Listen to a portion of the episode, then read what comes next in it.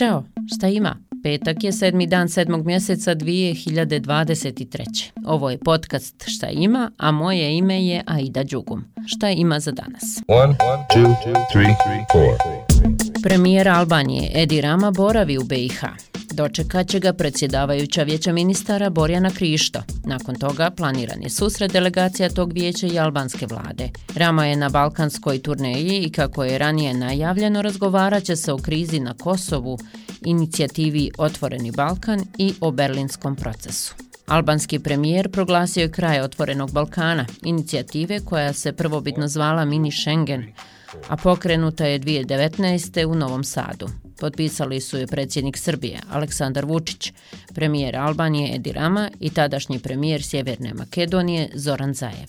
Ime je 2021. promijenjeno u Otvoreni Balkan. Inicijativi se usprotivila opozicija u Albaniji, a odbacile su je Kosovo, Crna Gora i Bosna i Hercegovina.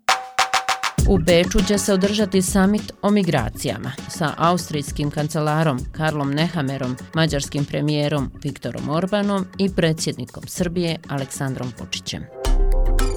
A to je i jedna od tema simpozija, čiji je domaćin univerzitet u Tuzli. Riječ je o međunarodnom simpoziju o strateškim i društvenim istraživanjima, nazvanim Genocid nad Bošnjacima u Srebrenici, egzil, genocid i migracije. Povod je obilježavanje 28. godišnjice genocida nad Bošnjacima. Šekib Umihanić, jedan od predsjednika organizacijonog odbora u ime Univerziteta u Tuzli.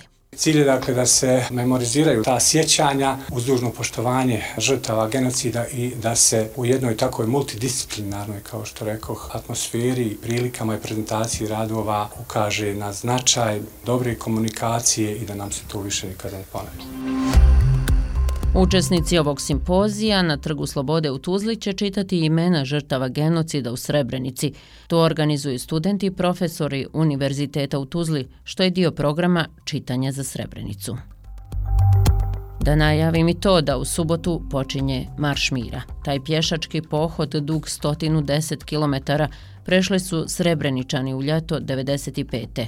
pokušavajući da dođu do slobodne teritorije, odnosno do Tuzle ili Kladnja. Učesnici Marša Mira, kojih je iz godine u godinu sve više, kreću iz Nezuka kod Capne i tri dana pješače do Potočara. Jedan od učesnika je i Enis Beganović, potpredsjednik Planinarskog društva Krajina. Mogu reći da je meni 15. put Marša Mira Srebrenice. Svi ostali mi koji idemo na Marš Mira, osjećamo se sa tim ljudima jer se je dogodio genocid koji bi mnogi možda željeli da se zaboravi. Ali mi koji odemo na taj marš mira, mi nećemo to dozvoliti. Dogod mi možemo ići, mi ćemo ići da se to podrži, jer to je ipak nešto što treba podržati da bi mi znali ko smo, šta smo i šta nam se je dogodilo. U kojoj pri povijesti sam rođena. Naziv je izložbe autorice Mirne Jančić-Doyle, koja će biti otvorena u Historijskom muzeju BiH.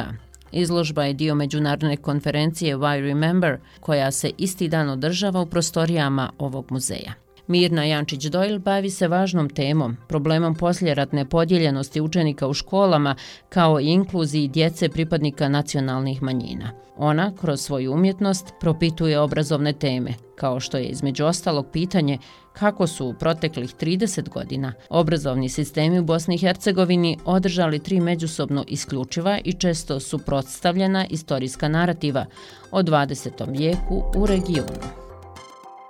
Za kraj najavljujem i komičnu operu u jednom činu. Telefon. Rađena na muziku Đana Karla Metonija u režijskoj postavci Aleksandra Nikolića.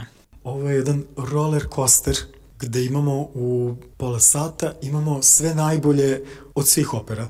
Operu možete pogledati večeras na trgu Suzan Zontag u Sarajevu.